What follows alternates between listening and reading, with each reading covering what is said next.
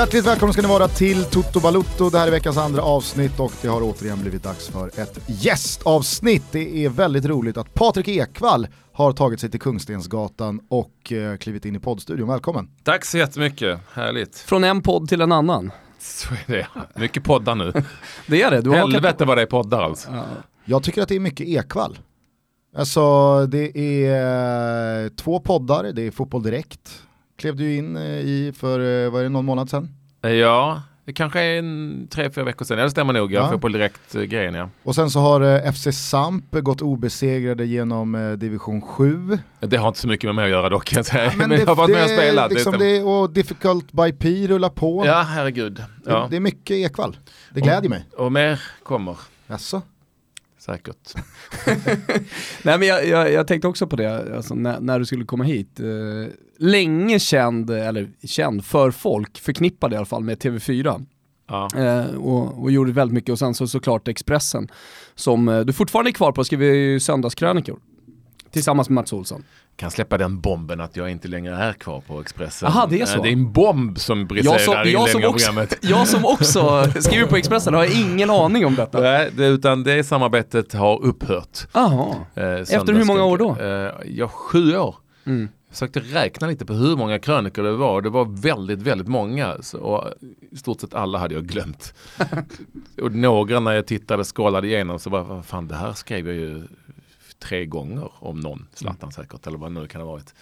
Så nej men det har jag slutat med. Jag går all in på fotboll direkt och hoppas att, eh, eller det ser ut att det kommer bli mer där. Jag är lite sugen mm, på att skriva som jag gjorde tidigare på Fotbollskanalen då. Eh, Just det. Mera, inte dagligen utan eh, mera aktuellt. Just det. Krönikorna på söndagarna var det ju eh, sanslöst kul att göra. Men alltså man Men ska, de är lite mäktiga de här man ska lämna dem på torsdagar och publiceras på söndagar. Ja, jag vill inte leva i den världen där ah, jag skriver någonting som ska publiceras långt Och då måste det vara väldigt tidlöst. Nej men jag vill lämna nu. Mm. Vad jag ville toucha i alla fall och det som Thomas berörde det var ju att eh, många kommer nog ihåg när du lämnade TV4 för, eh, är det två år sedan? det är snart två år sedan vid årsskiftet. Ja. Mm. Du hade ju varit där, du, var- det var över 20 år, 22 år eller något sånt där. 23. 23 år. Eh, och för mig och jag tror säkert många andra i min generation, eh, ansiktet utåt för liksom, eh, TV4s fotbollssändningar, mästerskapen, fotbollskanalen i Europa och så vidare tillsammans med Olof Lund, paras där. Så känner man ju så här, jaha, vad ska det bli av Patrik Ekwall här nu? Ska han sakta fejdas ut och vara någon någonting, Men det känns som att du har växlat upp som fan. Hur blev eh, tiden post fyran skulle du säga än så länge? Eh, ja tack, alltså det handlar väl väldigt mycket om vad man, vem man är själv och vad man vill, vill göra själv. För att eh, det är klart att det var vansinnigt jobbigt att få det beskedet att mitt avtal plötsligt upphörde efter alla de här åren. Det kändes ju lite som att jag ändå var, som du sa, liksom en del av kanalen och räknade hela tiden med att man skulle få förlängt och förlängt och så vidare. Men sånt kan ju hända. Eh, så att när jag väl stod där så tänkte jag, att jag kan antingen lägga mig ner och dö eh, Jag kan sätta mig på en stol och vänta på att alla ska ringa och säga att du vill, att vi vill att du ska börja jobba här. Eller så får jag göra någonting själv åt situationen. Jag har alltid gillat att, göra liksom nya grejer och se på sånt som är nytt istället för att blicka säga att "Men fan, det var bättre förr och det ska man inte Man ska inte podda, det är fjantigt och man ska inte göra det, det är löjligt och så vidare. Så att jag försöker hela tiden utveckla, eller åtminstone se möjligheter. Ett, eh, det ringde ingen mer än spelbolag aggressivt. Hur många som helst. Alla egentligen. Som man räknar som stora. Ja, inte alla för det hade varit en jävla massa. Det är ju många spelbolag. Eh, Men det ringde ju inga tv-stationer. Det finns ju inte så många tv-stationer. Det är inte som det är inte som någon fotbollsspelare sa i landslaget till mig. Ja men det fan du, du kommer få massor med anbud. Ja men det är inte, jag, har- jag har inte tusen miljoner klubbar att välja på. Utan SVT var eh, såklart eh, omöjligt på- av olika skäl. Eh, vi har satt var fullt satt och sen så kom Discovery och gjorde lite OS men de har inte så mycket annat egentligen att, att, att göra. Att erbjuda. Så, Så fick, var- då fick var- jag försöka hitta på någonting själv helt enkelt. Som ni gör, herregud. Fan, det är ju ungefär samma. Man måste hela tiden se till att eh, skaffa sig möjligheter. Och så får det vara många bollar i luften och vissa går till helvete och vissa inte. Men huset ska betalas. Liksom. Men att det inte ringde, var det ganska lättsmält eller var det svårt att tackla? Det var nog väntat mera så. Eh, det är väl klart att om jag skulle börja på en annan svensk kanal så tror jag inte att de hade velat ge mig en, en liten roll om du förstår vad jag menar. Ja, men du kan väl göra lite små intervjuer med den och den eller du kan sitta och klippa ihop lite. Ja, men, alltså, men jag tror inte att, jag tror inte att de, och jag hade själv kanske inte tyckt det var så intressant. Ja, men då hade det fått vara en, en, en väldigt mycket större roll i så fall. Och det är klart att de finns det ju få av. Det finns ju inte så många. Nej men det är som du sa, även om vi har olika anledningar till exit från tv-bolag, eh, så när man krasst började kolla på det, eh, ja, min tv-karriär var ju fortfarande ung, eh, Gustens också för all del, för han är ung, men, men eh, det var liksom, ja det är Simor, det är Viasat som du sa, SVT, ja, det känns svårjobbat. Ah. Alltså, sen är det stopp liksom. Så, så att det, Eller några det, produktionsbolag kanske. Så ah, men, jag var inte, jag är inte direkt brydd över det och inte speciellt överraskad över det heller. För att jag, om man vänder på det och ser det liksom tv-bolagens front. Så vad fan, ja, vad, vad, ska, vad ska jag göra? Varför har vi till honom? Mm. Ska, du göra, ska vi säga till Ola Wenström att han ska dra? Ska, eller ska, typ eh, Frida Nordstrand eller alltså vad det nu kan ha varit. Men de sitter ju på jäkligt bra människor och personligheter och duktiga tv-makare allihopa redan. Så då ska det till någonting speciellt. Om man inte vill ta in mig som, ja men kan du åka på SVTs basketmatcher i, men det kanske inte hade varit intressant. Jag tror inte jag tror inte de hade tyckt det var intressant heller. Även om man saknar handbolls-Ekvall lite från 90-talet. Ja, men jag hade gärna på handboll. Jag minns ju när Gusten, jag ska inte säga att han tog över, men, men när Discovery hade sitt första mästerskap i Qatar var det va? Mm. Jag var eh, där, jag var där. Ja men exakt, du var där eh, och sen så lämnade du också över din bok eh, till eh, Gusten i samband med att ni skulle åka dit. Nej men det var ju väldigt fint, jag kan säga det. Discovery köpte ju handbolls-VM 2015 och det var ju det första handbollsmästerskapet som inte fyran hade på hur länge som helst. Ja men det stämmer ju, ja. Och då skulle hela Discovery-gänget klä sig i uh, Difficult by P-kostymer, i alla fall herrarna. ja. eh, så när vi hämtade ut våra kostymer eh, på Rådmansgatan där och eh, skor så låg Ekvalls bok i min kostymhängare. Aha. Och så hade du kritat ner en liten hälsning längst fram ens, i boken. Där det stod liksom lycka till på linjen Gusten. Hälsningar Patrik. Då eh, blev jag väldigt glad, jag tyckte det var väldigt ödmjukt och, och sympatiskt gjort av dig. Men du var bra, jag kommer ihåg att du var bra.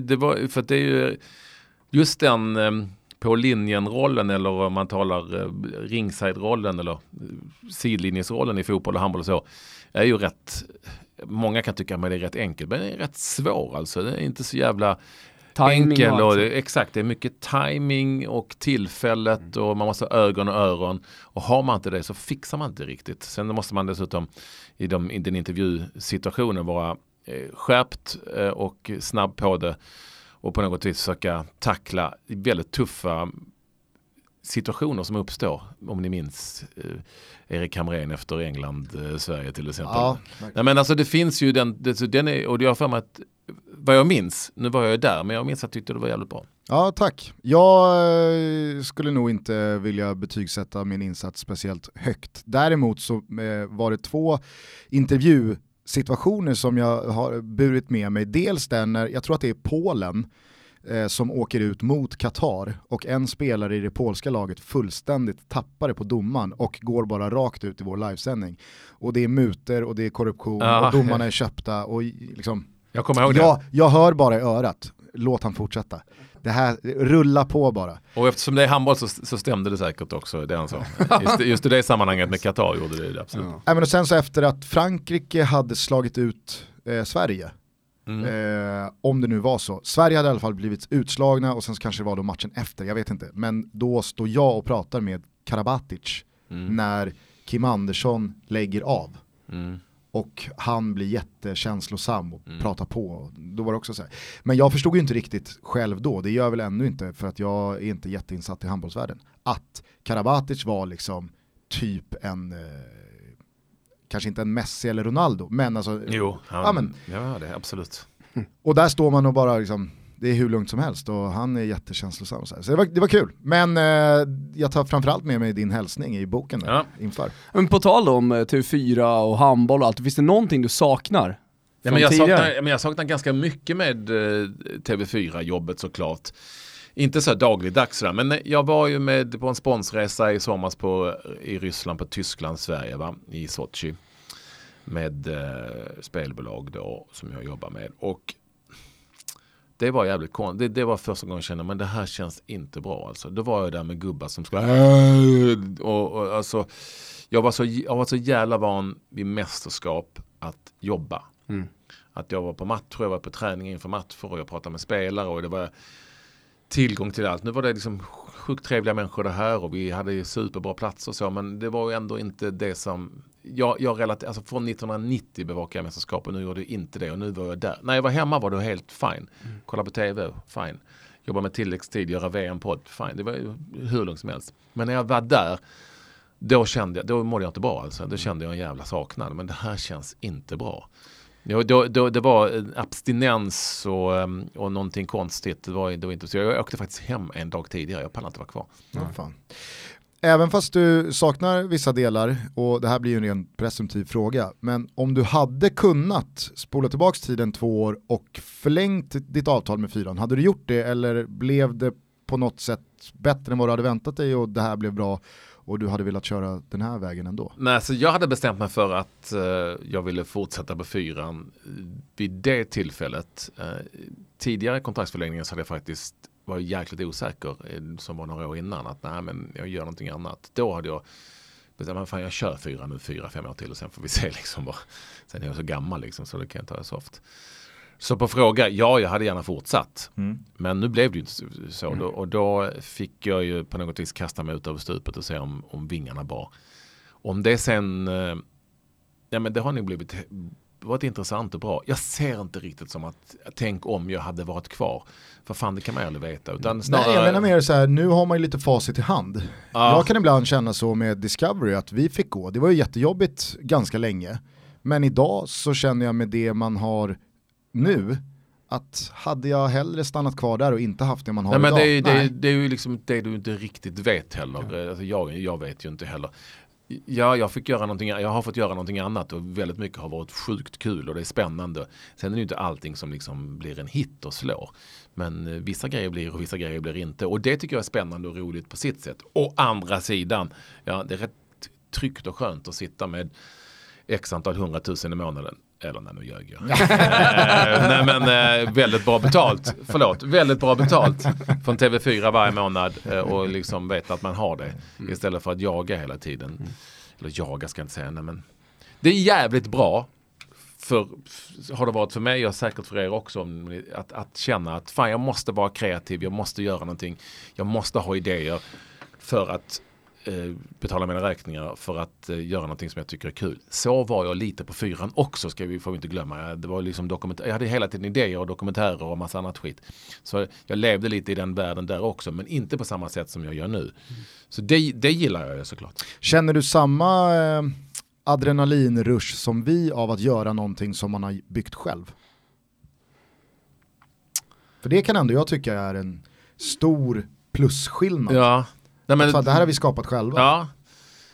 Jo, eh, men, jo, man men kan ju säga det bara, så här, ni, ni startade ju podden Tilläggstid. Ja. Eh, och eh, det var den första podden som då kom ut dagligen. Ja. Eh, kommer ut. Kommer ut, eh, precis. Kommer ut eh, dagligen. Nej, men vi, när vi startade Toto Balutto så såg vi fotbollsvärlden som eh, någon, ja, men, fotboll är aktuellt, precis som du säger om krönikan på söndagar. Alltså idrott generellt sett är aktuellt. Så att det, alltså, poddar hade varit lite såhär, det kommer ut på torsdagar, då kommer vår podd, eller det kommer ut på fredagar. Medan vi kände att vi måste ju komma ut när, om Zlatan drar korsbandet, ja men då måste ju vi prata om det, annars är vi inte aktuella. Vi kan inte prata om det en vecka senare. Eller det blir i alla fall inte lika intressant att lyssna på, tro, trodde vi. Eh, så, så, att därför var vi lite mer flytande. Och sen så kom ni då och tog det, tog det ytterligare ett steg och gjorde dagliga poddar. Eh, Som är 15 minuter långa så ja. man, behöver inte, man behöver inte ägna så mycket tid Precis. åt utan alltså, det var väl jag, jag tror faktiskt att poddvärlden är på väg ditåt någonstans. Att, um, som en kombination istället för att man alltid ska, måste ägna cirka en mm. timme. Måste ta bort den tiden för någonting annat och mm. göra podd. Sen, sen är ju ljud, det är också helt sjukt. För fem, sex år sedan skulle alla göra rörligt och bild och nu är det plötsligt ljud. Mm.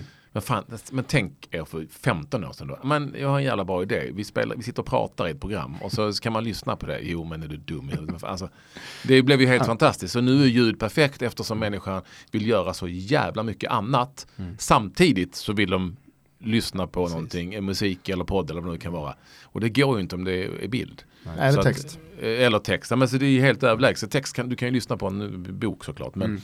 det, så det är helt överlägset på det viset. Och jag tror absolut att poddvärlden kommer sakta men säkert att eh, åtminstone inte ta över men åtminstone bli lika stor som FM-världen faktiskt. Vet du vad, vet du vad som är emot där? Vad, liksom, det finns en teknisk utveckling där som måste ske, eller som håller på att ske. Eh, Bilen tänker du Exakt. Mm, men i USA idag mm. så de nya bilarna som kommer ut, mm. för pod, pod, podcast växer ju starkast i USA av alla länder. Sverige mm. ligger 4-5 tror jag.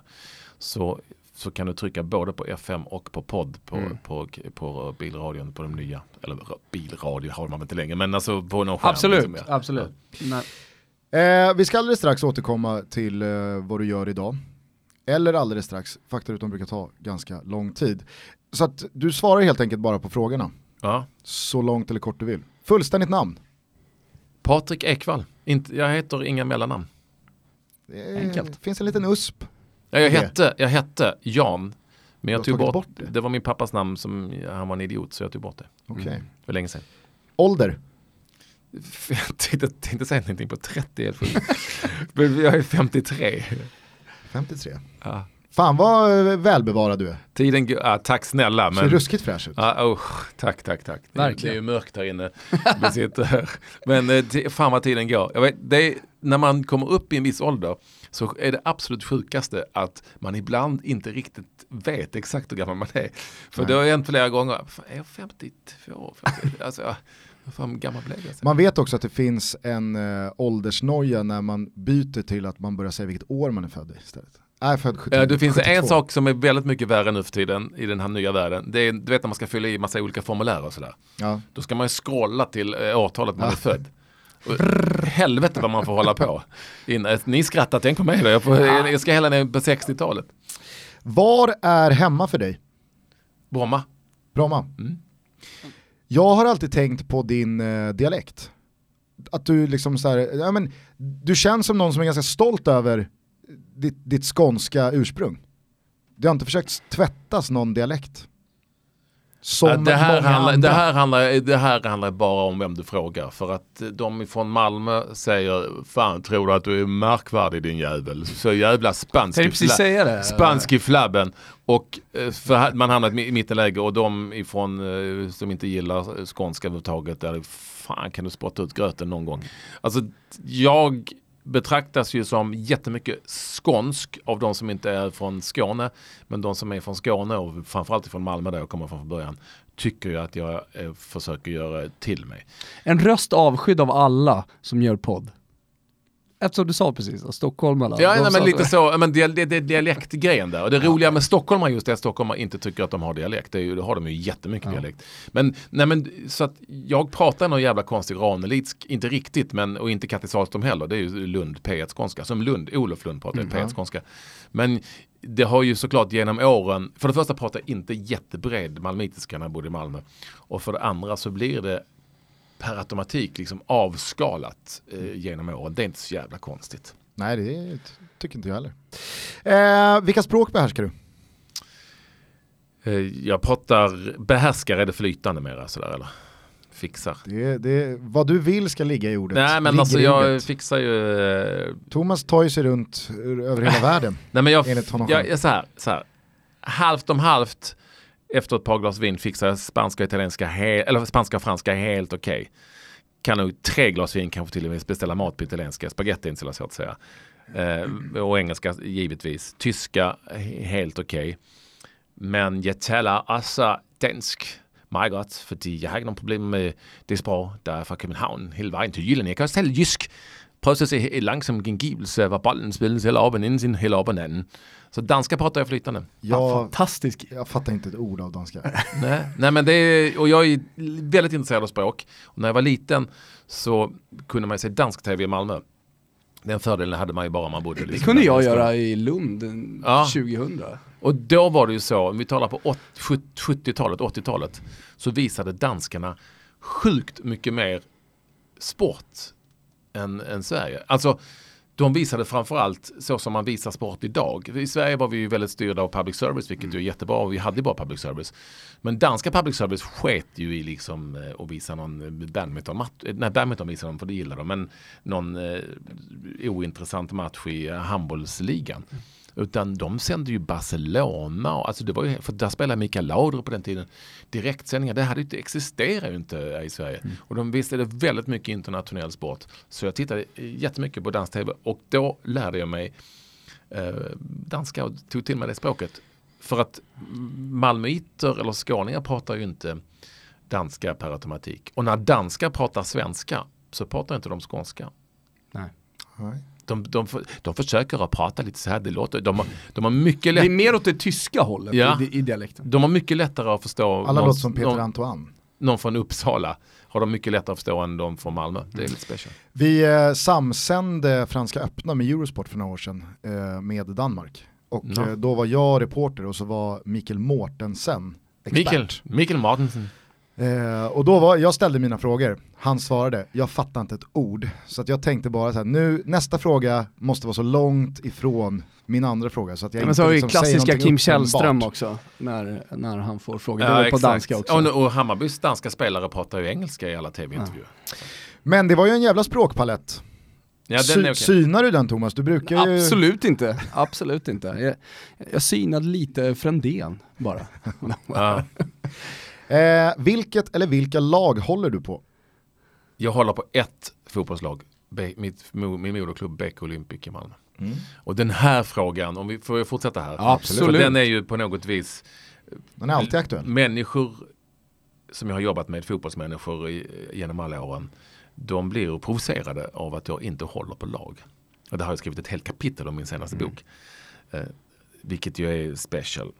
Jag gick ju på fotboll i Malmö när jag var liten. Jag gick varannan vecka på IFK Malmös matcher i gamla, det som heter division 1 och varannan vecka på Malmö FFs matcher i Allsvenskan.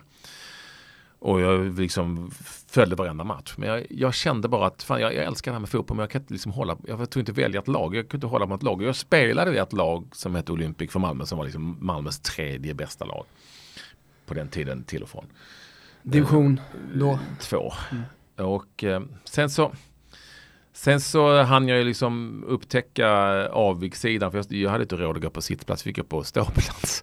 Och jag tyckte människor betedde sig så jävla illa ibland. Eh, så jag tänkte, vad fan vill inte bli som dem och eh, bete mig på det här viset som, inte alla såklart, men vissa. För det var inte så många som gick på fotboll på 70-80-talet överhuvudtaget. 6000 var en bra siffra liksom och ett bra G hemma. Så då eh, har det bara fortsatt. Sen så blev jag ju journalist när jag var sportjournalist när jag var 16 år. Då kanske det blev per automatik att jag inte skulle hålla på lag på det viset. Men jag håller inte på lag i England och Spanien och Italien. Och så Men jag, eh, jag kan uppskatta lag. Jag tycker det är fantastiskt att se Barcelona i sina bästa stunder och spela fotboll. Eller, eller Milan när de var som bäst. Det finns ju hur många som helst. Men jag håller inte på lag. Och detta är väldigt, väldigt provokativt för väldigt många människor. För de menar att man kan liksom inte man kan inte, man kan inte charmeras av fotboll om man inte håller på något lag. Jag kan förstå det till viss del eftersom jag håller ju på Sverige när vi spelar mästerskapsmatcher och det är en speciell känsla. Men eh, jag kan eh, jag kan, eh, jag kan njuta av fotboll och matcher och av lag för den delen i väldigt stor utsträckning utan att hålla på någon och dessutom så innebär det att jag inte beter mig som en idiot ibland. Hur ser du på att eh, sportjournalister har eh, favoritlag? Du känns old school där. Nej, alltså Bosse Hansson satt med en AIK-emblem eh, i, alltså när han gjorde sportsändningar i SVT på den tiden. Det är ju helt sjukt. Ja, det, är, det är ju och, starkt. Ja, han alltså, alltså nål, en sån nål i kavajslaget när han var programledare för Sportnytt.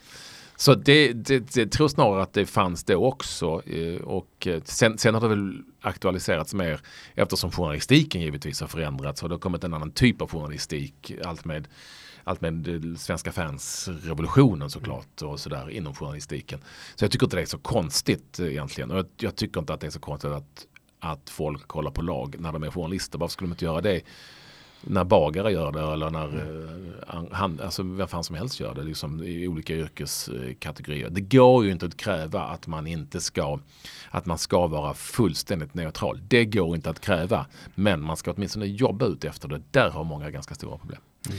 Nej, men eh, bara för att fylla på där. Eh, håller man däremot på ett lag och har gjort det som barnsben så kan man inte heller ta bort nej, det. Så nej, det, nej. det är det, hade, hade du liksom fastnat för Malmö, då hade du ju ja, självklart förhållit det neutralt. Alltså jag tycker inte att det är svårt om man ska skriva en krönika och Fiorentina möter Juventus, att förhålla sig neutralt till, till matchen, även om man är, eh, är alltså i mitt fall då har gått på eh, hundratals matcher och sådär. Men du blir, oftast blir ju de som håller på lag, om det är, oavsett vilka lag de ska skriva om det, de blir ju snarare överkritiska gentemot sitt lag. Ja, men, ja, och det, det blir ju heller inte bra kan jag tycka. Nej, det håller jag verkligen med om. Det håller jag verkligen med om.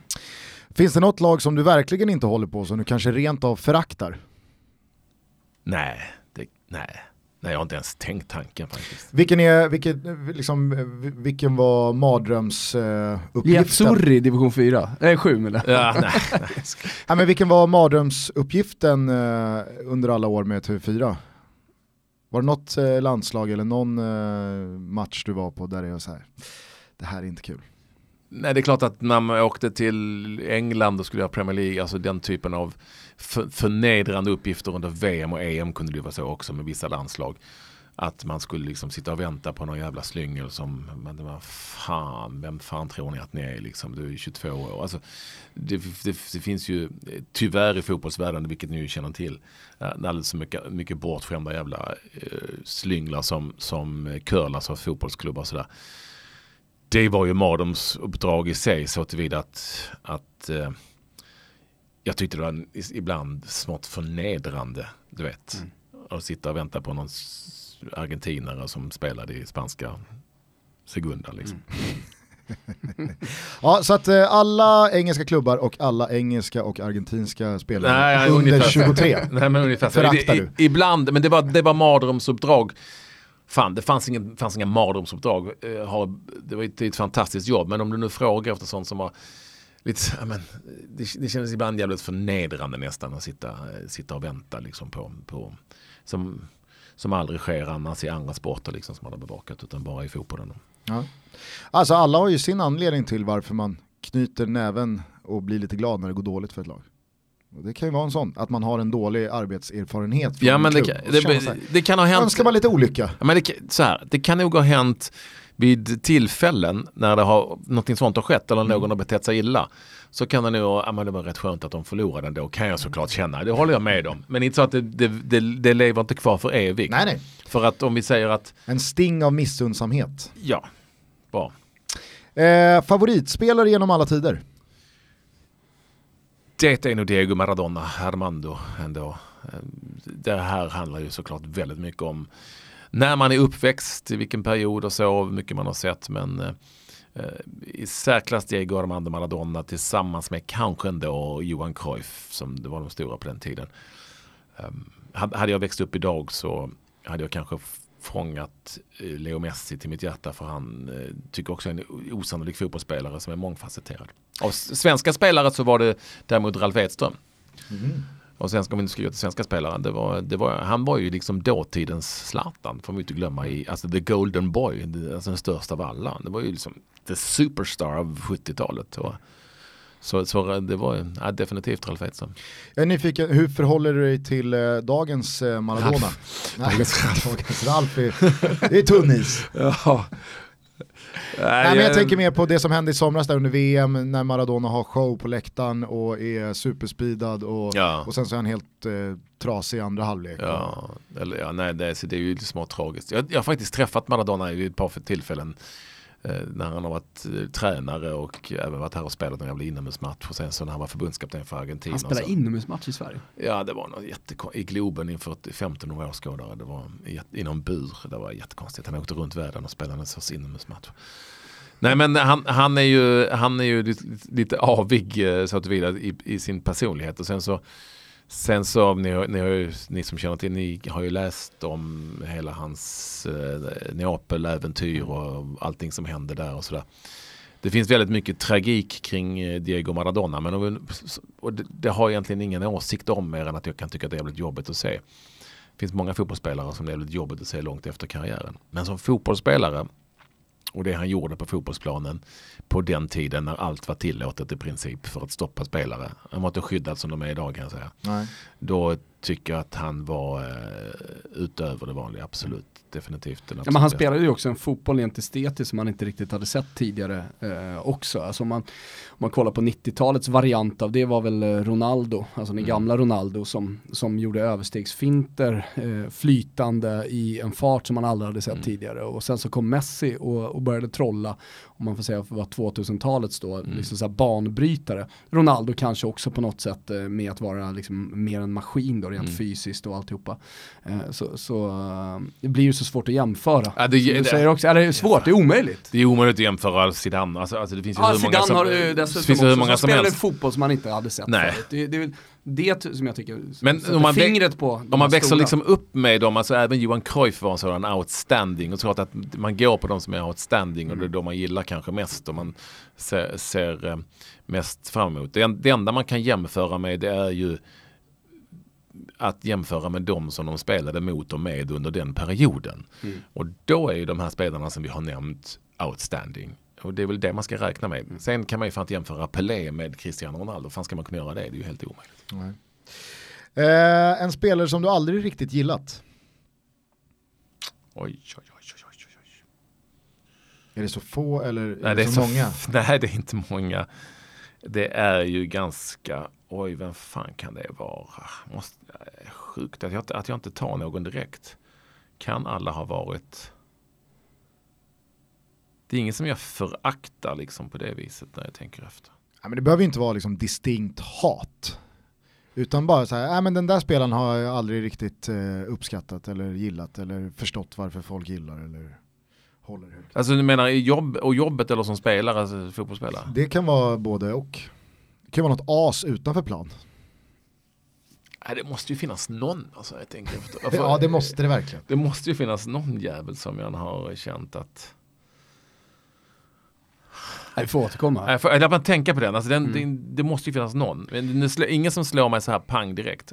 Nej, okej. Okay. Det är många gäster dock som eh, brukar be om att få återkomma till den här frågan. Och sen så eh, faller det i glömska och så blir det inte av. Ja men eh, fan, då får ni väl hålla koll på den. Mm, ja, verkligen. Ni som är programledare.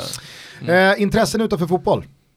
Jag eh, gillar ju eh, kläder, jag har ju ett eget eget, eget märke som heter Difficult Papier. Vi har sneakers som jag ritar och designar helt själv. Du har ett par väldigt fina röda, vinröda ja. på dig idag. Ja, Bordeaux, Bordeaux färgade till och med. Mm. Viktigt. Nej, nej då. Men eh, och så jag tycker det är jätte, jätteroligt att på något vis utveckla det företaget, lite entreprenörskap lite grann och så. Och jag ritar designar alla skor så det tycker jag såklart är jävligt roligt.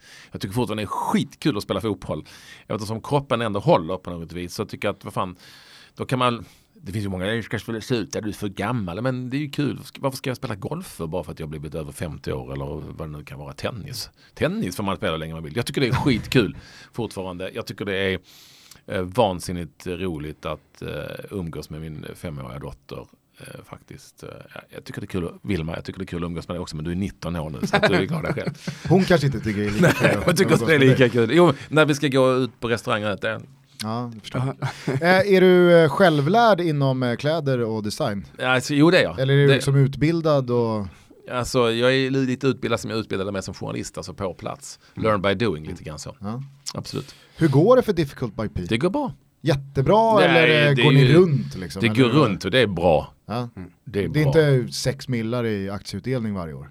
Nej, nej, nej, nej, nej, nej, men vi har precis gjort en crowdfunding och eh, på fyra dagar fick vi in de pengarna vi vill ha, en och en halv miljon, så det var superbra. Nej, men det, det är en supersvår bransch nu, men nu är det lite satsning, så nu, nu får vi se hur det blir. Men vi ska väl vi hoppas på en eh, omsättning på runt 20 miljoner. Men det ni gör det är, eh, vilka, vilka, typer av kläder? Sneakers, i stort sett bara sneakers numera. Mm. Nej, bara sneakers och lite... Ett har varit kostymer och sådär, men nu är det fokus sneakers. Ja. Det var ju faktiskt, eh, vad kan det vara, tre år sedan ungefär Eh, jag då som verkade inom sportmediabranschen eh, här i Stockholm, det var ju kul för att på vissa arbetsplatser till vissa sändningar eller vissa produktioner så kunde liksom tre pers dyka upp i samma mockajacka eller läderjacka från Difficult by Pete. Yeah. För att man, någon, alltså, man hade väl mer eller mindre tajta band till dig och så var det liksom, ah, vad fan jag, ska, jag vill ha en snygga kläder. och så kunde liksom, ah, det var en producent, det var en skripta och ja. en eh, expert. Alla kommer i samma eh, jacka från Difficult Party. ja, nej jag, jag, har, jag har den också. Eller vad säga, eh, väldigt fin skinnjacka gjorde ni där och då. Ja. Eh, men, men, det är ett uttryck eh, som eh, många förknippade det med. Inte minst kanske när du bloggade på fotbollskanalen och som blev ditt, eh, svårt. Ja. Eh, och när du startade Difficult by P så känns det som att det var lite svårt också, om ja. man får använda sig av det. Sen hette väl din bok eh, Svår, svårare Ekvall? Ja. ja, precis. Men, men är du fortfarande lika svår? Nej, jag är inte alls lika svår längre. Alltså man, man, blir en, man, man blir mindre svår ju äldre man blir. I, väl, och sen är det Har den en elefant på tröjan? Nej, vad fan, det här är ju... Det säger, säger ja, det är fem myror fler ja. än fyra elefanter. Svår, nej men så svår är jag inte. Däremot så var det ju kul att äh, på något vis använda sig av det ordet i olika sammanhang som ett, som ett trademark lite mer. Alltså. Folk blev också provocerade av oh, det. Herregud, sluta prata inte ens om det. Namnet på boken skrev Alex Schulman en hel krönika om man tyckte det var för jävligt. Att, men, och det var ju det. Bra PR. Ja, det var ju kanon. Det bli bättre. Eh, en person utanför fotbollens värld som du ser upp till? Uh, det, det, finns ju en del journalister som jag började med på Kvällsposten på, på uh, 80 talet som lärde mig väldigt mycket. Några av dem är inte kvar i livet faktiskt. Så, men där, där fanns det ganska många personer som jag jag tyckte var väldigt schyssta mot mig som lärde mig små saker och sådär som jag tog vidare sen i, i karriären. Mm. Eh, det, det, är människor som jag eh, ser väldigt mycket upp till. Jag ser, alltså, jag ser upp till nej, alla, jag ser upp till er. Alltså, jag, kasta lasso som Birger Bure lärde mig en gång på Kvällspassen gamla eh, krönikören, har jag använt mig i alla tider. Det vill säga, du kan inte på egen hand tro att du kan göra allting själv och du är bäst. Du måste ta lärdom av människor. Och, men du behöver inte lära dig allt, utan du kan kasta lasso. Så du kast, eh, kasta lasso, sa han. Och så kastar man och så tar man in lite här och så tar man in lite där och så kan man mixa ihop det. Jag ser väldigt, väldigt mycket upp till väldigt många människor. Men det är klart att jag ser ju också på dubbelt i dubbel bemärkelse upp till Olof Lund för att eh, vi, när vi började jobba ihop så var det liksom ingen det var inte så att vi, han kom ju från Expressen, jag visste vem det var, men det var inte så att vi på något vis eh, var eller eh, är konkurrenter om jobbet eller så, utan vi jobbade jävligt tajt och mycket ihop och vi älskade också att jobba jävligt mycket. Och aldrig någon gång så var det liksom någon konflikt. Det var en, en rätt hetsig diskussion på en frukost i Sydafrika om eh, huruvida Uh, jag tror det hade med skatt att göra. Vi, vi står lite olika politiskt. Men, uh, men uh, annars så, uh, det var bara mest en målande diskussion. Annars så, så, så, ble, så blev det inte så att vi var ovänner. Och det kan jag, det, menar, där har jag full respekt för den typen av människor som, som på något vis kan acceptera och respektera det sättet vi jobbade på och inte liksom tycka att det ska vara på ett annat sätt för att jag är bättre än sämre än någon annan. Som konsument, Eh, så kan, alltså av fotbollsmedia, eh, om man läser mycket och följer eh, allt, kanske nästan lite för mycket, sådär, så kan jag nästan sakna er två och er kemi som ni hade. Ja men jag tror att, jag, ja, jag, jag, tror jag talar för många där också. Ja, men jag, det kan nog vara så. Vi var, är ju väldigt olika egentligen. Alltså om man tänker som men jag tänker, jag tänker så här, det, det jag egentligen blev... ville komma till är så här, ni har väldigt stora egna plattformar, alltså ni, ni, om jag ser er som en plattform, din, dina sociala medier, allt det du gör, ditt ansikte och ditt, namn, Olof Lund på sin sida. Finns det ingen comeback i, i liksom, någon, någon framtida? Känner du inte det? Nu, nu är det konstigt att prata om det här, vi är sportjournalister och vi jobbar med det, ja. men, men i, i andra branscher, jag har tänkt på det faktiskt. Underhållningsbransch eller vad det nu är. Ah. Jag, jag, vet att uh, Yrrol har ju någon slags ny premiär nu. Jag hörde på radion när jag, när jag åkte in, Claes Månsson pratade om att ah, det var så trevligt att träffas igen och arbeta tillsammans igen och det fanns en sån glädje. Och han pratade om just det här att arbeta med någon som man känner väldigt väl är väldigt positivt. Ja. Och det, det, det hjälper också till med resultatet sen i slutprodukten. Att jag tror att man, man, man tänker kanske inte på det, men, men vår relation som vänner hjälper till att göra liksom, en väldigt, väldigt eh, bra film i hans fall. Då. Tanken har slagit mig, den är ju rätt svår ändå, Olof är anställd på TV4 också, han är inte frilans, han är faktiskt anställd, han är en av få anställda tror jag som fortfarande är kvar. Och då är det ju, alltså, åtminstone med nuvarande chefsbefattning på TV4, helt omöjligt. Fullständigt omöjligt. Alltså det är ju lite som att Leo Messi skulle gå till Real Madrid, alltså det, det går inte. Men, men... Refererade du precis till dig själv som Real Madrid? Nej men uh, jag refererade det, det o, den omöjliga ekvationen. Okej okay, jag, ska ta jag, en, jag ska ta en annan. jag förstod, det var bara kul att du... Jag vet. Fan också, det har du rätt i. Ja. Det är klart jag gjorde det när jag tänker efter. Förlåt. Bra, stå, jag, jag, jag, står, jag står fast vid det. Ja. ja. men jag kommer ihåg under era aktiva år tillsammans, eh, liksom, Fotbollskanalen On Tour och Ekvall vs Lund och Klubba Biag blev ju enormt lite för länge. Eh, men då minns jag att när man läste intervjuer med någon av er eller ni pratade om eh, varandra att båda var en så, ja men vi umgås inte så mycket utanför för vi jobbar så mycket ihop och eh, liksom nu när det har gått snart två år när ni inte har jobbat så mycket ihop se, ses ni och hörs ni mer privat som ja, vänner? det gör vi, oh ja. Vi pratas vid väldigt mycket i telefon och vi ses ju ibland hemma hos Olof, det vill säga på, på Rish. Eh, och, eh, och så. Men vi, nej, men vi är inte, vi har inte riktigt, jag tror en, en, en, en jävligt en fördel med när vi jobbade ihop var att vi inte riktigt var exakt likadana. Vi tyckte aldrig exakt likadant och är annorlunda. Uppväxta på, ett, på, ett, på helt olika eh, premisser. Och, men väldigt annorlunda men ändå inte. Vi fattade liksom slutprodukten. Och det, därför var det jävligt roligt och spännande att jobba med Lund hela tiden. För man, det kunde uppstå vad fan som helst egentligen.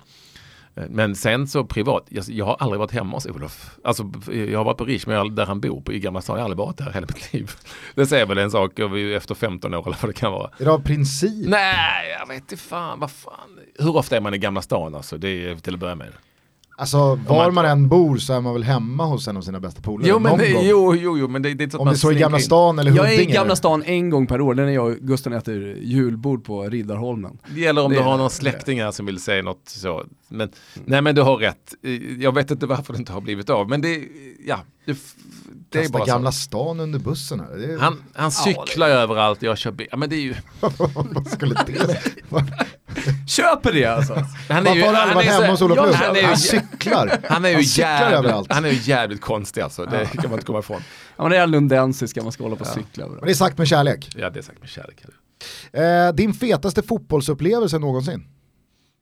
Alltså, det behöver inte vara som aktiv på nej, plan. Nej, nej då, då hade det varit lätt tror jag. Men eh, det är ju ändå upplevelser eh, med jobbet. Och jag har uselt minne alltså. Jag glöm, där, där, det är både nackdelar och fördelar. För jag lägger, alltså förtränger, ska jag inte säga, men jag, jag lägger undan, arkiverar och så tittar jag alltid framåt. Och så brukar jag glömma så här otroliga saker. Med. Alltså, man kan fråga mig vem som spelar VM-finalen 2002 i Yokohama. Jag var där. Alltså, jag har varit på VM-finaler sedan Fan, Ja, men det där, har ju, också, jag glöm, jag liksom det där har ju också lite med liksom, arbetet att göra. Eh, du är uppe i det? Fotbolls-EM 2016 som jag jobbade med.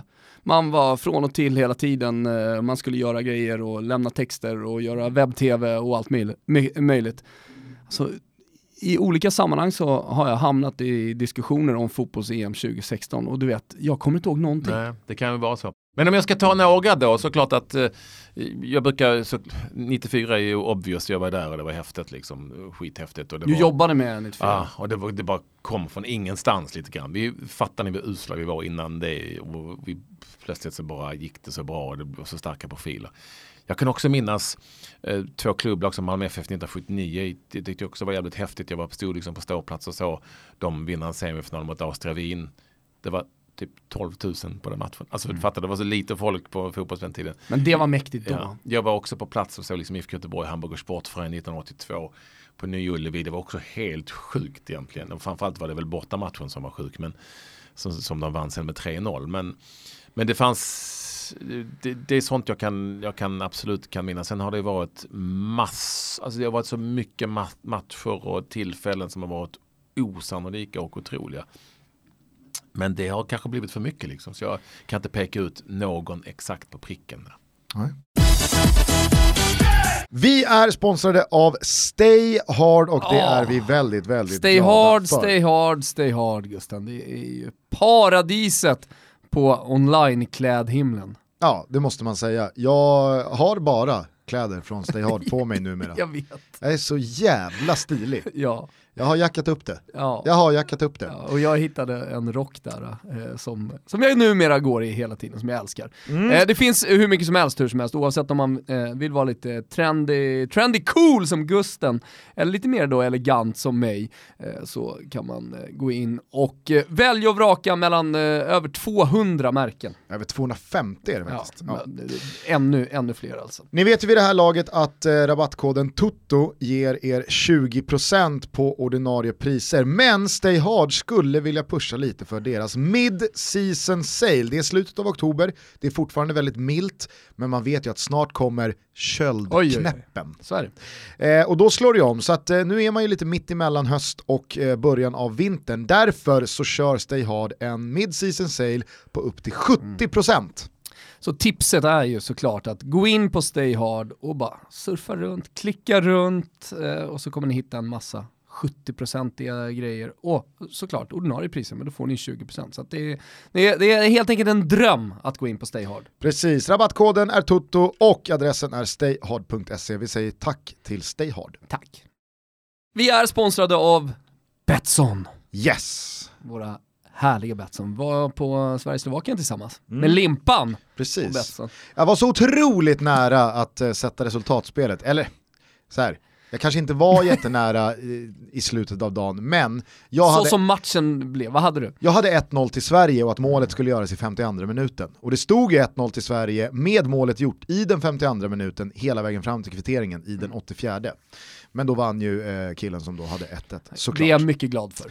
Det är i alla fall eh, superroligt att göra sådana här grejer med Betsson. De har en jättefin loge på Friends Arena så vi hoppas att eh, snarast möjligen igen kunna slänga in en kicker när det är en landskamp eh, till exempel.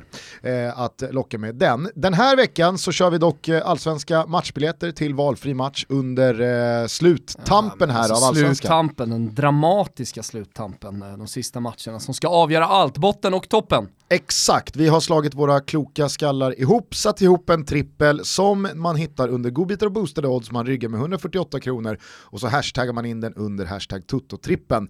Så vinner en lycklig vinnare oavsett hur det går för trippen. Ett plus ett paket till då valfri allsvensk match.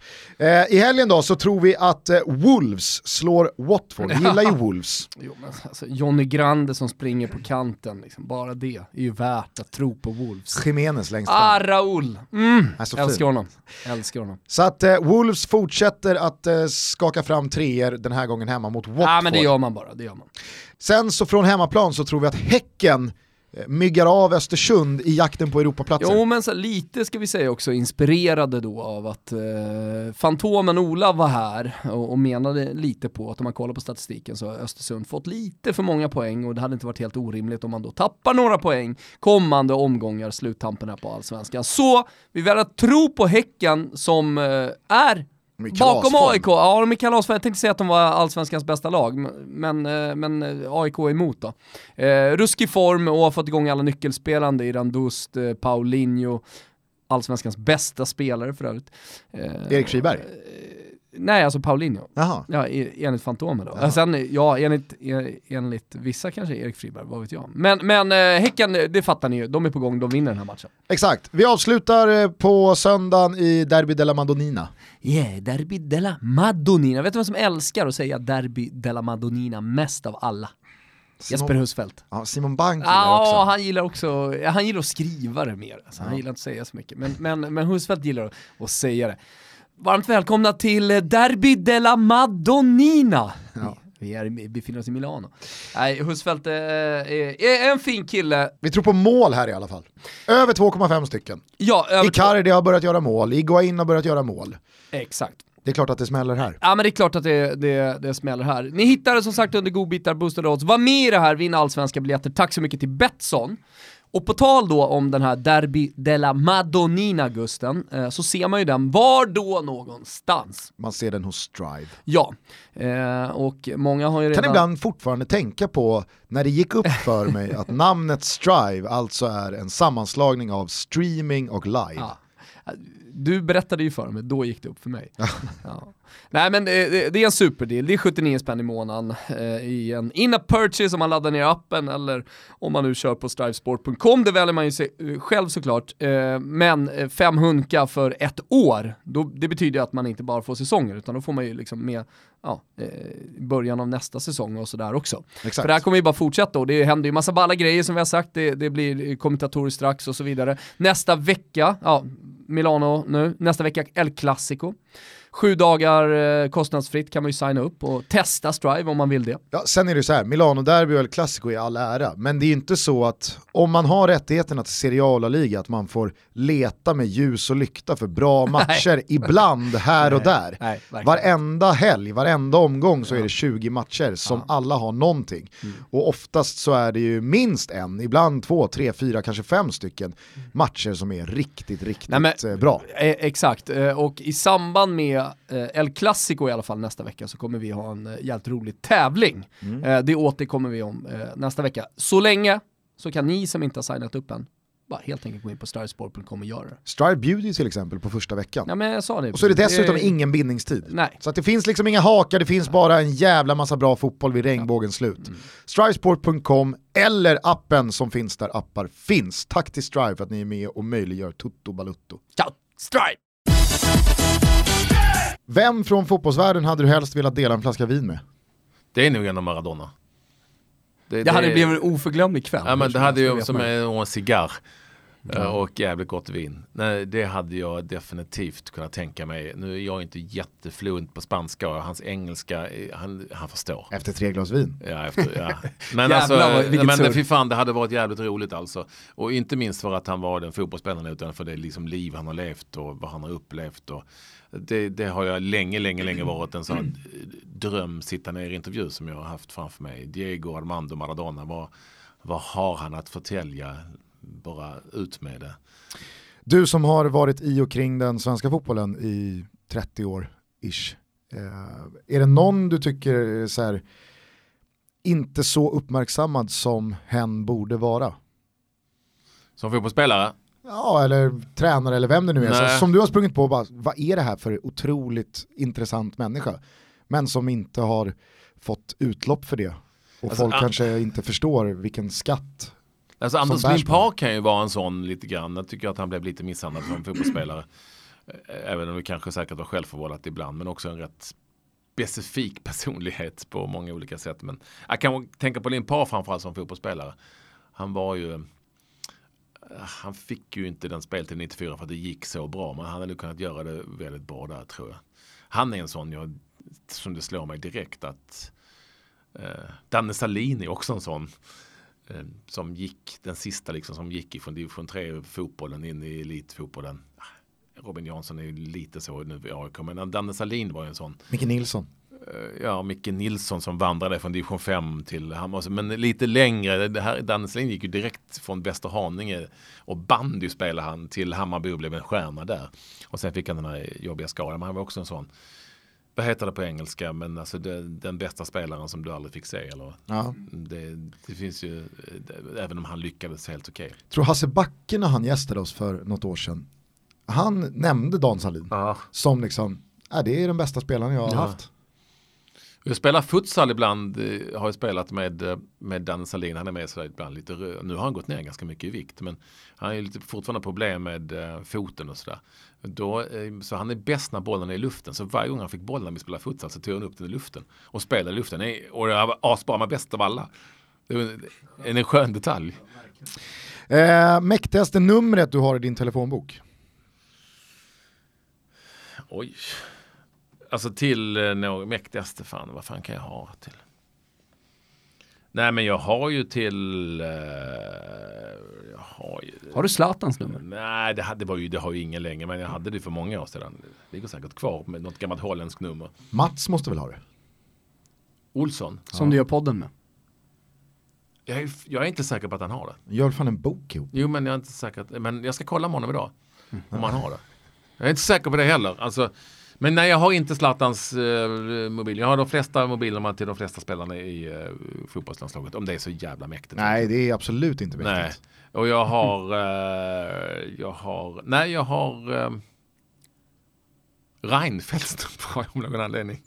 Jag vet inte, det, jag fick, det, jag fick det för länge sedan när han var statsminister. I samband med EM 2008 tror jag det var. Det hade ju varit något då. Då ja, jo men fan. Det var så, jag var på bio i söndags med min tjej och så på en bänk utanför salongen satt eh, Anna Kinberg Batra och David Batra. Ja. Och jag kände bara så här, ja, här sitter ni och går på bio. Men vilket, är vilket, vanligt. vilket är liksom. det mäktigaste nummer ni har då? Alltså vad är mäktigt? Nej men alltså jag brukar alltid ta upp att jag har Luciano Moggies nummer. eh, bara för att han liksom eh, skapade den största fotbollsskandalen i Italien som ett av de största Usain Bolt har jag. Ja, Nu- där har du ju ett mäktigt, nu snackar vi! Nu börjar vi. där Ja, har ja. vi ett mäktigt nummer. Uh, Usain Bolt har jag. Och Edwin Moses tycker jag också är jävligt Ja, coolt. men- Edwin Moses. Hej. Det har vi. Men friidrott är lite lättare. Och nu är han fotbollsspelare. Ja herregud, är det ett skämt det där? Nej det är inte ett skämt. Han, Alltså såg du hans första mål? I Australien här nu.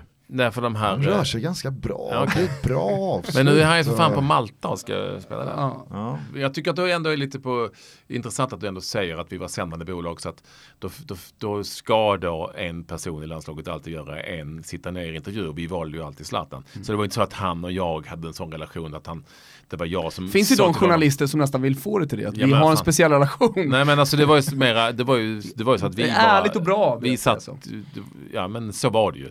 Så det fanns ju ingen sån relation eh, direkt. Sen jag, träffade jag honom många gånger tidigare och sådär. Och de intervjuerna var ju såklart jävligt roliga att göra för att eh, jag älskar, jag tror säkert ni håller med mig, man älskar ändå att göra intervjuer när man inte riktigt vet vad man får för svar. Och det som, var, det som var viktigt och som var både roligt, nyttigt och intressant så som varande intervjuare det var ju att man fick eh, användning av sin förmåga av att eh, använda känslospröt. Det vill säga här måste du, eh, du har tio minuter på dig, här måste du läsa av läget. Vilken, vilken mood kommer han in i här? Och vad, Vilket vad du märkte du på två, en eller två frågor. För du har ju alltid, åtminstone när vi pratade med honom så hade du alltid någon fråga som du visste var, kunde vara känslig. Eh, Och den eh, får man nog inte göra som Stina Dabrowski med Margaret Thatcher tar först utan den tar du sist. Eh, Och då, men då fick du liksom känna av läget och då kunde det bli mycket mer. Och det tyckte jag var jävligt intressant för ibland så kunde jag känna direkt oh, oh, oh, oh, oh, oh. Nej, nej, nej, han är inte på humör, det är någonting han har läst. Alltså det kunde vara minsta lilla grej. Det kunde varit en presskonferens innan och fått en fråga. Det, det här kommer gå åt helvete om jag inte håller mig inom vissa ramar. Det låter ju sjukt och ibland så kände jag, men här är det fritt blås, här är det bara att ösa på. Och då blev det han blev ju jävligt bra, eller han är ju säkert det fortfarande såklart, men han blev ju efterhand jävligt bra på att utnyttja situationen. Det vill säga, ville han få ut någonting och säga någonting så, så, så tog han tillfället i akt när vi satt där för att han visste att det skulle få spridning. Så det blev han ju mycket, mycket bättre på. Men, Lärde du känna Zlatan skulle du säga, eller hade man alltid svårt att få grepp om att har jag bara pratat med en fasad här? Eller? nej, men han är ju aldrig fasad. Nej. Han är i stort sett, nej men jag skulle säga att det har hänt väldigt, Nej men väldigt okej, sällan. fasad kanske är fel men det känns som att han väldigt stor del av sin karriär också har levt i en karaktär. Ja. ja så jag tror nog ändå att jag Människor förändras också och det är klart att han har förändrats genom hela sin karriär och allt han har varit med om och efter alla pengar han har tjänat och det liv han lever där han inte kan gå någonstans och du vet. Så det är klart att han förändrades. Men jag tror att eh, jag hade ju ändå koll på honom som väldigt ung och vi är ju från, han är från Rosengård, jag är från Lindingen, det är typ samma getto liksom, eller getto, getto, det är samma typ av uppväxtstil. Jag hade uppväxt, jag är uppväxt med massor med ex-jugoslaver liksom som var mina polare och deras föräldrar och sådär. Som det fanns väldigt mycket arbetskraftsinvandring från Jugoslavien till Malmö på den tiden.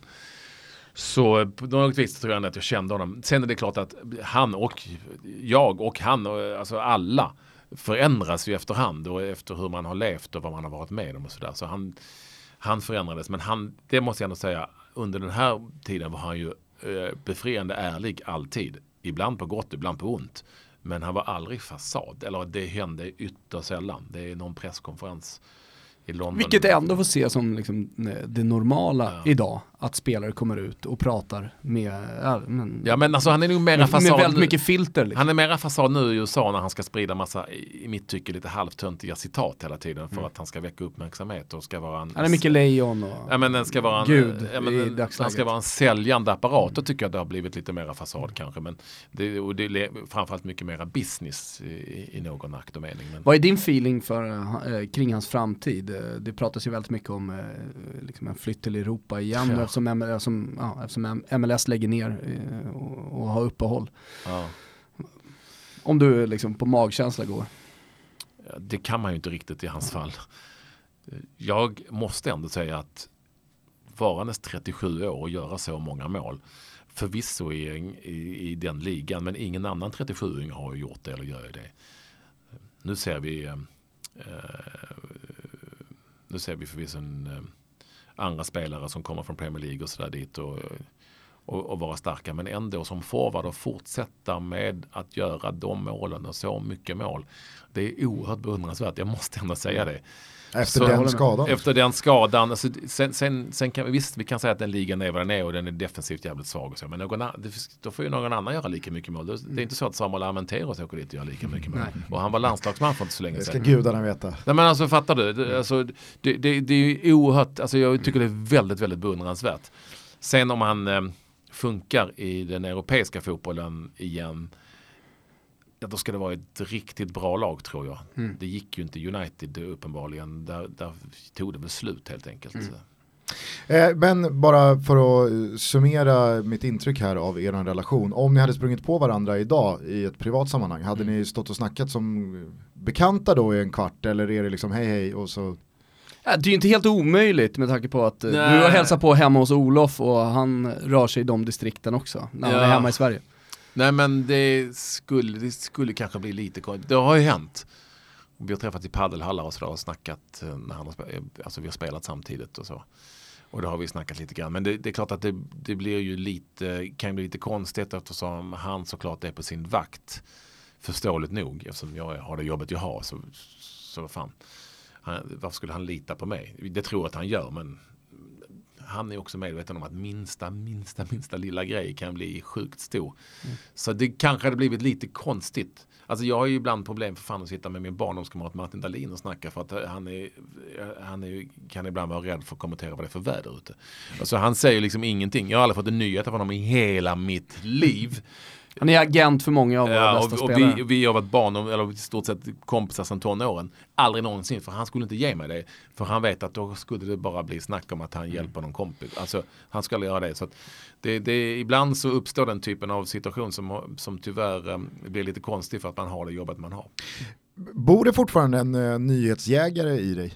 Nej, det får Disco ta hand om. Det, får disk, alltså det, det är ju faser man har i livet. Nu har ju Disco blivit farsan och tror att han kommer att fasa ut det Men det, nej, det, borde, det borde inte så jävla mycket nyhetsjägare i mig då heller. Alltså 80-talet. Du ska veta, jag jobbade 81 till 90 på Kvällsposten i Malmö.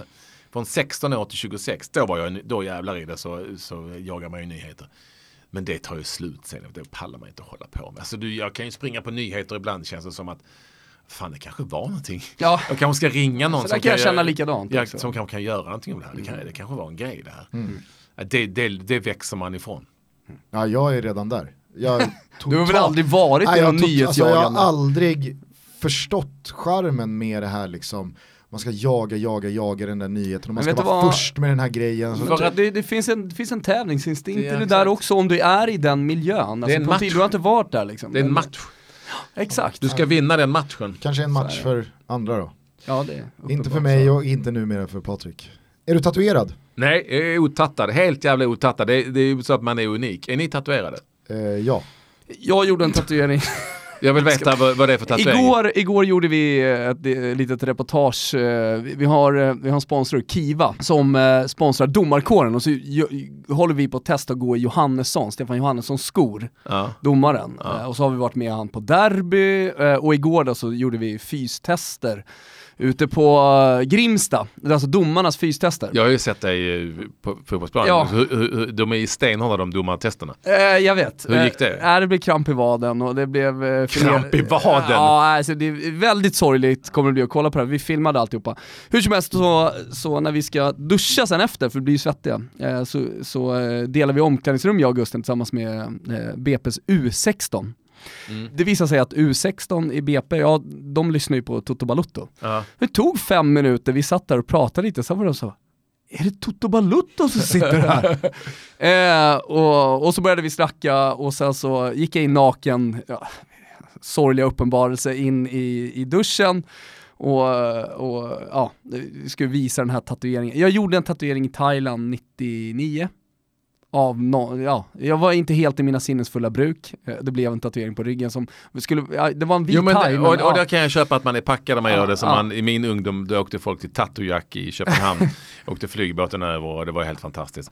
Men jag såg ju eh, säkert en, eh, en kollega till oss då, som ni också känner till, nämligen Adam Pintorp som gjorde en, Pintorp som gjorde en intervju, så här, poddintervju för FC Samp, fotbollslaget som jag spelar med. Eller vi spelar med. Ja. Du har inte spelat så mycket. jag vet, jag är med, han, betalare. Eller vad? Då säger jag, då, då säger jag att han på underarmen längs, alltså, då har han en palm. En stor jävla palm. Och, ja, jag, varför har du en, varför har man, jag vet inte. Och det har jag inte gjort på fyllan utan den har jag gjort liksom i, ja. jag är lite anti tatuering, jag är, jag är så pass gammal så tatueringar för mig är sjömän. Jag vet att jag, jag är gammal. Nej men, men det var ju för mig också. Vad skulle du alltså- med alltså, Pintorps palm? Det, det, det, det, det låter som att, det låter som att du avbröt mitt i här. Nej, jag, jag frågade, Kände du så här, här doftar inte 2,0 på högskoleprovet? jag, jag kommer inte ihåg vad han svarade, han tyckte det var lite genant. Men man undrar ju varför man gör en stor jävla palm på, på underarmen. Alltså, jag kan ju undra mycket om tatueringar och så. Men den syns ju för det första väldigt mycket för det är ju rätt svårt att dölja. Om man har på ryggen så eller, ja. eller som min polare Kribbe Olin har under foten som också gjorde på fyllan i Thailand. Så det är väl en sak. Men ja, då får man ändå fråga varför har du gjort en palm på under. Ja. Ja, men du minns inte vad han svarade? nej, det var, nej, jag tror inte att han hade något svar. Han tyckte det var lite jobbigt. Dömde du honom? Ja. ja. Snyggaste fotbollströjan genom tiderna? Argentinas eh, landslagströja tycker jag är skitsnygg.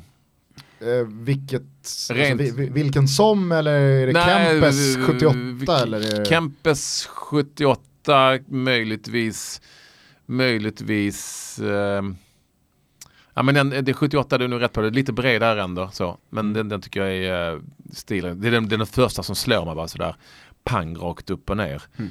Jag gillar ju um, Måste tänka här om det är någon annan. Nej men så gillar jag Norwich guld och gröna faktiskt. Fy fan de är hemska. De är jättekula. Uh, och så. Så det är jag tror du skulle svara Sampdoria i och med så här efter Samp. Och... Nej men den är rätt ful liksom. Vad fan en jävla kopia på någon fotbollslag. Liksom. Nej, jag menade just Sampdorias. Alltså Sampdorias. det, den är kopia på FC Samps. Nej men ett tag så gillade jag, jag gillade Åtvidabergs på 70-talet när det var populärt med två stycken streck eh, längs ena sidan uppifrån axeln och ner. De tyckte jag också var coola. 70-talströjor var rätt, retrotröjorna där var rätt mm. häftiga. Så. Sovjets var också rätt så coola, eh, CCCPs röda med trycket upp rakt på bröstet. Mm. Inte helt oproblematiska idag. Nej, alltså det är, men som tröja, mm. absolut. Mm. Ja, jag förstår. Eh, en match som du skulle vilja se men som du ännu inte har sett? Har du gått på mycket fotboll utanför jobb som privatperson eller har det, liksom, har det fyllt kvoten? Det har, del, det har dels det har fyllt kvoten, alltså man blir ju rätt mätt och sen nu för tiden, är, vet ni ju det själva med tv och hela den grejen. Så jag har ju sett mycket sånt. Jag är ju fortfarande en liten sucker för eller jag varit åtminstone tidigare för att gå liksom på småklubbsfotboll. Idag går jag inte på allsvenska matcher om jag ska jobba i stormatcher. Jag åker på små matcher för att jag pallar inte med att folk ska skrika saker åt en och det språket. Det är så? Ja men det pallar jag inte med. Liksom. Det, vad fan, det är ju inte värt det. Så jag tycker bara jobbigt. Men det var ändå lite fint när svenska landslagssupportrarna sjöng ditt namn en gång i tiden. Men För det, så var det, eller hur? Det, men det går. Vad var det de sjöng? Men det är allt möjligt. Ekvall ge oss en sång. Ja. ja. Dansa. Dansa och sånt. Nej men ja. det har jag inga problem med. Det är ju ren och pur glädje och humor. Men liksom hatet och så. Det, mm. Jag pallar liksom inte åka på Friends på, eller på någon derby i Stockholm och bara höra folk skrika att man på, du vet. Mm. Och det är helt, men jag vet inte ens vem de är liksom. Det är ju som Twitter fast live. Mm. Det blir ju inte roligt liksom. Men har du liksom eh, i ditt liv åkt utomlands och sett en match bara som privatperson för att du är fotbollsälskare? Ja, och det, de är få. Däremot så har jag gjort på semestrar på lite konstiga ställen. Det har jag som en, det har jag faktiskt som, eh, som jag gör jag alltid. Så jag liksom är på, på Mauritius, så åker jag sen en ligamatch på Mauritius, det har jag gjort till exempel, det var jävligt roligt. Och på Malta och så, så åker jag sen en ligamatch, det tycker jag är jävligt roligt. Men det ska helst vara på lite konstiga ställen. Sen har det ju hänt att jag har sett jag har sett eh, matcher, men det, de är inte många alltså som jag har åkt privat och tittat på matcher. Så när vi liksom åker med Samp eh, till Italien så, ska, så är jag rätt ointresserad av att gå på någon jävla ligamatch i Italien. Men jag, jag gör ju det, men jag är tyvärr alldeles för alltså både bortskämd och avtrubbad. Men så finns det någon match du hade velat se som du inte har sett? Jag hade gärna velat se um, uh, Jag hade gärna velat se uh, Oj oj oj jag hade gärna velat se jag hade gärna velat se 70-80-talets Liverpool. Mm.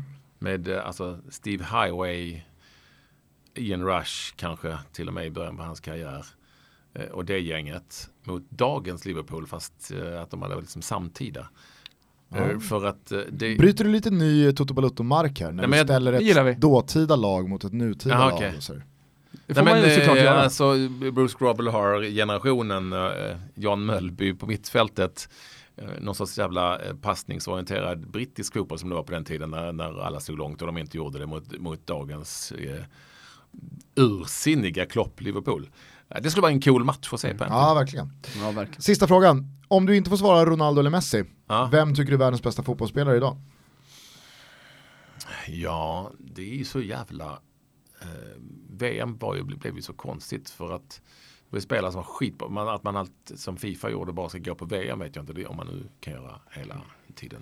Ja, men alltså så här, när, när, jag tänker, man, man, ändrar sig i den här frågan ja. skulle jag för det första jag tror vilja att, säga. Alltså, nej, men, så hade, hade, jag fått frågan innan VM, då hade jag svarat en sak, tror jag. Alltså idag så är jag ja. mer benägen kanske att svara Modric. Eh, ja. För att han gjorde jag, det mästerskapet till exempel. Mbappé på slutet har varit helt fantastisk. Hazard. Ja, Hazard. Fast jag är nog ändå, jag är Paul Pogba tror jag. För mm. jag tycker att den högsta nivån där, där finns det någonting. Nu är, han, är det uppenbart att han vantrivs något djävulskt i i, eh, i Manchester United. Men man ser om det franska landslaget under VM när han tar ansvar så finns det både urkraft, det finns en defensiv som är stark, det finns ett passningsspel, det finns en teknik med bollen så han kan ta sig förbi spelare och det finns en, en offensiv um, enorm um, palett mm. någonstans. Så nej men jag jag skulle nog ändå, om jag skulle, få, mer som jag skulle välja en spelare som inte var Messi eller uh, Cristiano Ronaldo till något lag som jag skulle ta ut. Så fan, jag skulle ta ut honom först ändå. Sen så kan man ju bygga mig på med lite annat. Mm. För att där har jag en känsla av att där uh, har vi Ja, där finns det så jäkla mycket. Vi har inte sett det absolut bästa av honom ännu. Vi alltså, kommer, nog det, vi kommer att få säga det i ett annat lag tror jag snart. Klassisk eh, skoljumpa, om man ställer upp de 30 bästa fotbollsspelarna så här, då, då väljer ja. du Pogba tidigt. Jag väljer honom mm. först mm. tror jag. Det är fint. Härligt. Eh, har du skakat fram en Men spelare? fan, jag har suttit och tänkt på det här hela tiden. Vem har varit liksom alltid... Alltså under alla dina år jo, du men... följde landslaget så måste det ha varit någon som du bara stod och skakade på huvudet åt att vad gör den här spelaren här? Men landslagssvin finns det ju inte. Nej inte svin, det behöver inte vara svin, du behöver inte tycka illa om någon som person. Det kan vara som fotbollsspelare så här. jag ser inte Cristiano Ronaldos storhet. Ja, nej, eller, nej, jag, jag ser inte den här svenska landslagsspelarens eh, högsta nivå, eller höjd. Eller... Fan, det, jagar ni, det är en rubrik ni jagar här. Nej, nej det är en faktaruta-fråga, ja, du har inte svarat på den. Det är väldigt sällan som Toto Balotto kommer in i, i kvällstidningarna. Senast var när Ranegi berättade om en blöt kväll i Badgerstein. Och då blev det jävla rabalder. Eh, så vi får väl se. Ja, på tal om Mattias, där kanske vi har någonting förresten. där kan vi ha, där, där, där nämnde du ett namn lite grann. Eh, en av de som kom med, jag gillar ju Mattias Renegi. Men det är klart att hans, eh, hans uttagning i landslaget var sjukt populistisk under Hamrén. När det gick eh, lite, nej, Gre alltså om vi talar om spelare som inte borde spela landslaget på den tiden. Greger Hallén. Greger Hallén. Sveriges genom tiderna sämsta landslagsman. Under, under, under, Greger Hallén. Under Labans tid när han bara tog ut spelare från öster. Eh, så, det är lite som eh, Janne Andersson och Norrköping nu då. Eh, ja fast värre på den tiden. Ja det var värre då, men ändå En riktigt sjuk uttagning var ju Olof Guterstam. Ja men var det på januari-turné bara? Ja men det måste man väl ändå... Fast januari Nej men alltså, alltså där, Olof Guterstam men en, från BP men en Superettan. Det var ju en helt otrolig uttagning. Ja. Nej men vi, han tog för fan ut, vad heter han, Sundsvall och Helsingborgsspelaren Dahlberg som, som forward när han var mittback i... i men, men jag tycker liksom att januariturnén, det kan inte räknas, räknas inte. Nej. Nej. Men okej, Greger Hallén. Nej men fan det är för Spelar du aldrig svar. riktigt gillat. Nej men alltså, jag, jag älskar ändå svaret. det är väl tråkigt svar. Alltså, Patrik Ekwall, rubriken, eh, Ja. Expressen. Den kan ni- Hatar Greg. 2018 sitter jag fortfarande och tänker på Greger Hallén. Försök att sälja in den rubriken, den kommer, den kommer, det är inte många som kommer hugga på den. Nej, Men möjligtvis han har varit och så får man scrolla ner och sen det är någonstans mitt i texten står Ja. det. Men som i ett slags eh, bevis på att vi inte jagar rubriker så duger Greger Hallén som svar då. Ja. För det Verkligen. måste ju finnas någon annan jävel som Ja men det har du sagt 15 gånger nu så vi behöver gå vidare Patrik. Du ska strax eh, vidare för eh, poddinspelning med Mats Olsson. Åh herregud vad klockan går. Ja. Podden rullar på, du gör tilläggstid med Claes Andersson varje vardag. Varje dag i stort sett ja. Eh, om ni tycker att den podden är jävligt bra producerad så är ju det också för att ni delar superduper producent Kim Wirsén och hans tjänster. Japp, det gör vi. Och Kim gör ju det här varje dag. 15 minuter varje dag. Det är, så att eh, han får kämpa han också. Sen så läser man ju dig också nu med stor behållning, i alla fall jag, på Fotboll Direkt numera. Eh, vi pratade om eh, ett av dina senaste alster i eh, vårt senaste avsnitt, när eh, du eh, vände dig mot eh, problematiken kring de här landskamperna på Friends, det är 6000 sålda eh, och så vidare, att man borde kanske flytta ut eh, Mm. landslaget på på lite mindre orter. Eh, Thomas Fast- var inne på samma linje fast inte lika genomtänkt som du. Eh, nej, Gusten upplyste mig om den här texten då. men jag tyckte det var väldigt bra. Det finns inte så många alternativ. Exakt. Ja, Nej men det var det, jag, jag började bolla upp Thomas, Thomas bollade alternativ. upp Borås och då säger jag, Ja, ja, fast, Fast det, går är inte, konstgräs. för det är konstgräs. Och Nå- då, det var därför din text kom Norrköping hade varit perfekt, 15 000. Det går inte Ja. för det är konstgräs. Exakt. Helsingborg hade väl varit ett bra alternativ, Så- just med Granqvist fortfarande som Ja. lagkapten och så Den här landskampen hade varit perfekt. För det hade bara funnits, Malmö och Göteborg hade skitit i det. Men sen får vi inte glömma att de här landskamperna är svindyra. Förbundet vill ha betalt för dem och man är inte villig att betala. Så att det är ju också en sån problematik. Och Halmstad har kunnat få in 7 500 säger vi. Men eh, bara för att eh, förstå din eh, roll där borta och varför du har gått dit, är du mer åt eh, att du vill komma tillbaka till liksom bloggformatet du hade på fotbollskanalen där det kunde vara högt och lågt och tycka lite om allt möjligt? Eller är det mera liksom, att Ja, du semi- initierade genomjobbade texter om specifika saker? Eller vad, vad, vad kommer du vad kommer du fokusera Nej det är på? en kombination lite grann. Dels tycker jag det, som jag var inne på tidigare, så skriva varje, varannan söndag, det blev liksom lite segt med Lemma på torsdag. Jag vill vara här och nu aktuell, jag vill kunna skriva om vad jag vill hela tiden.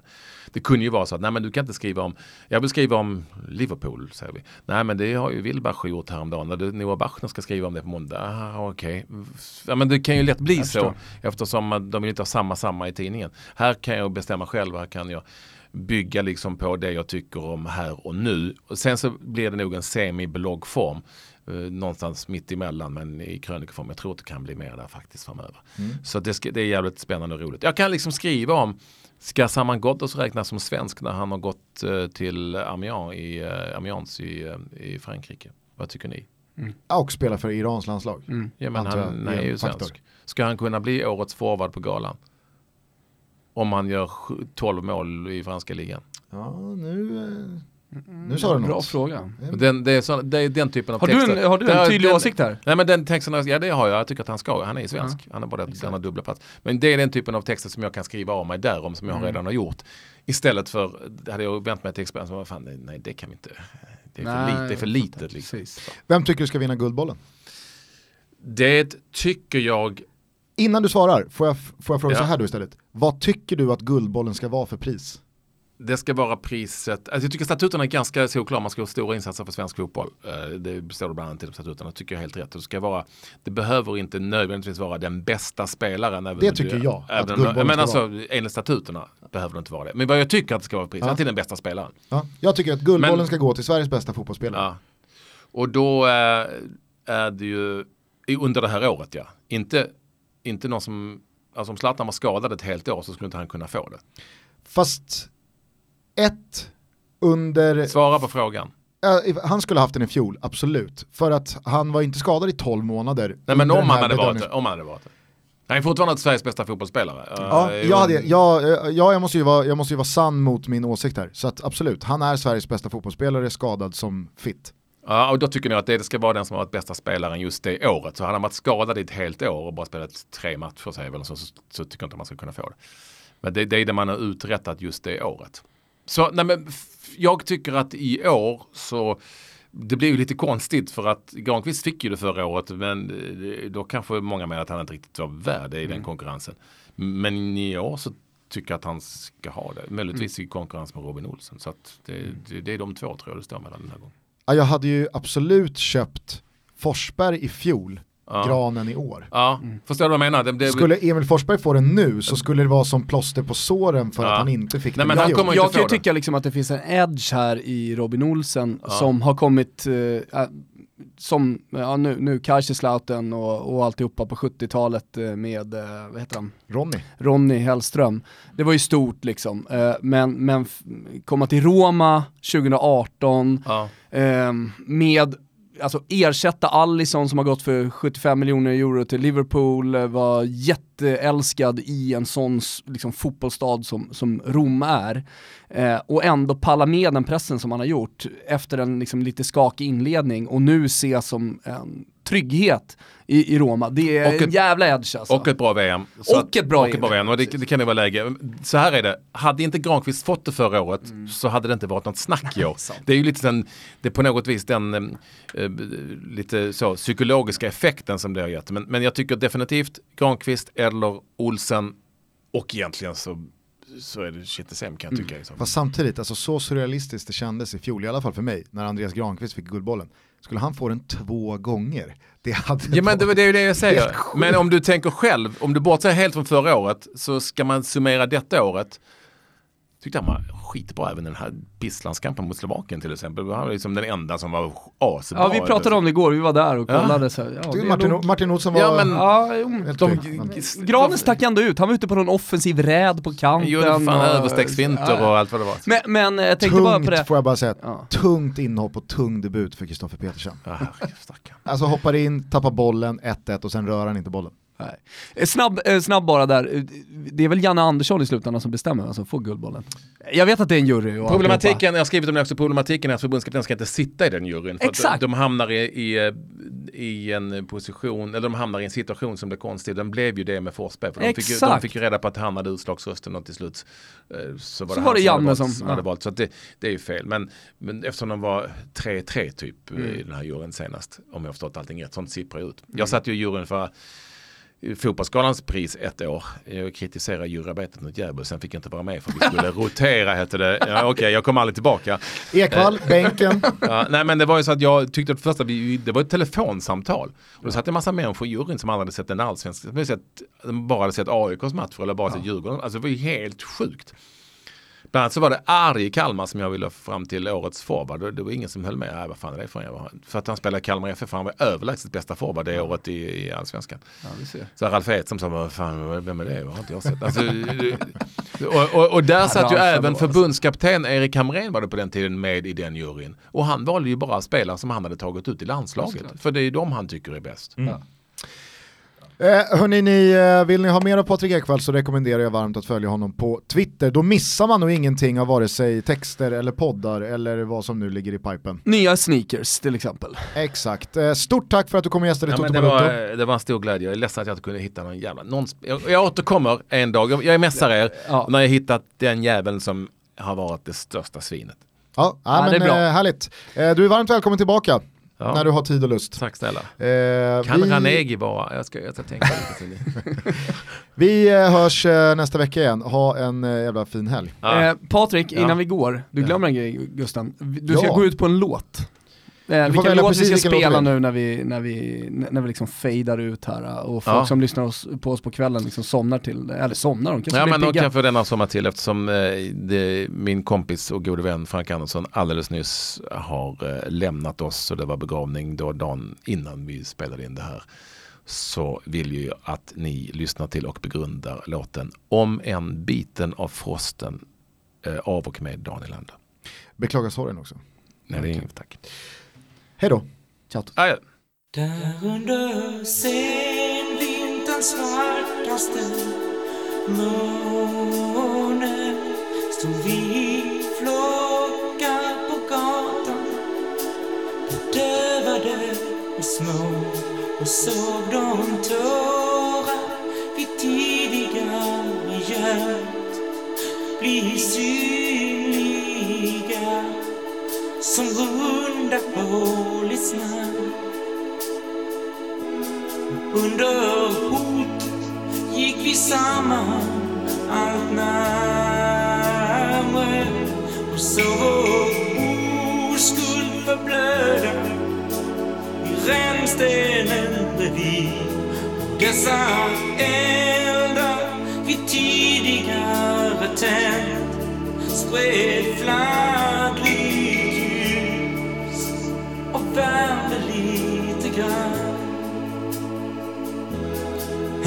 Amen.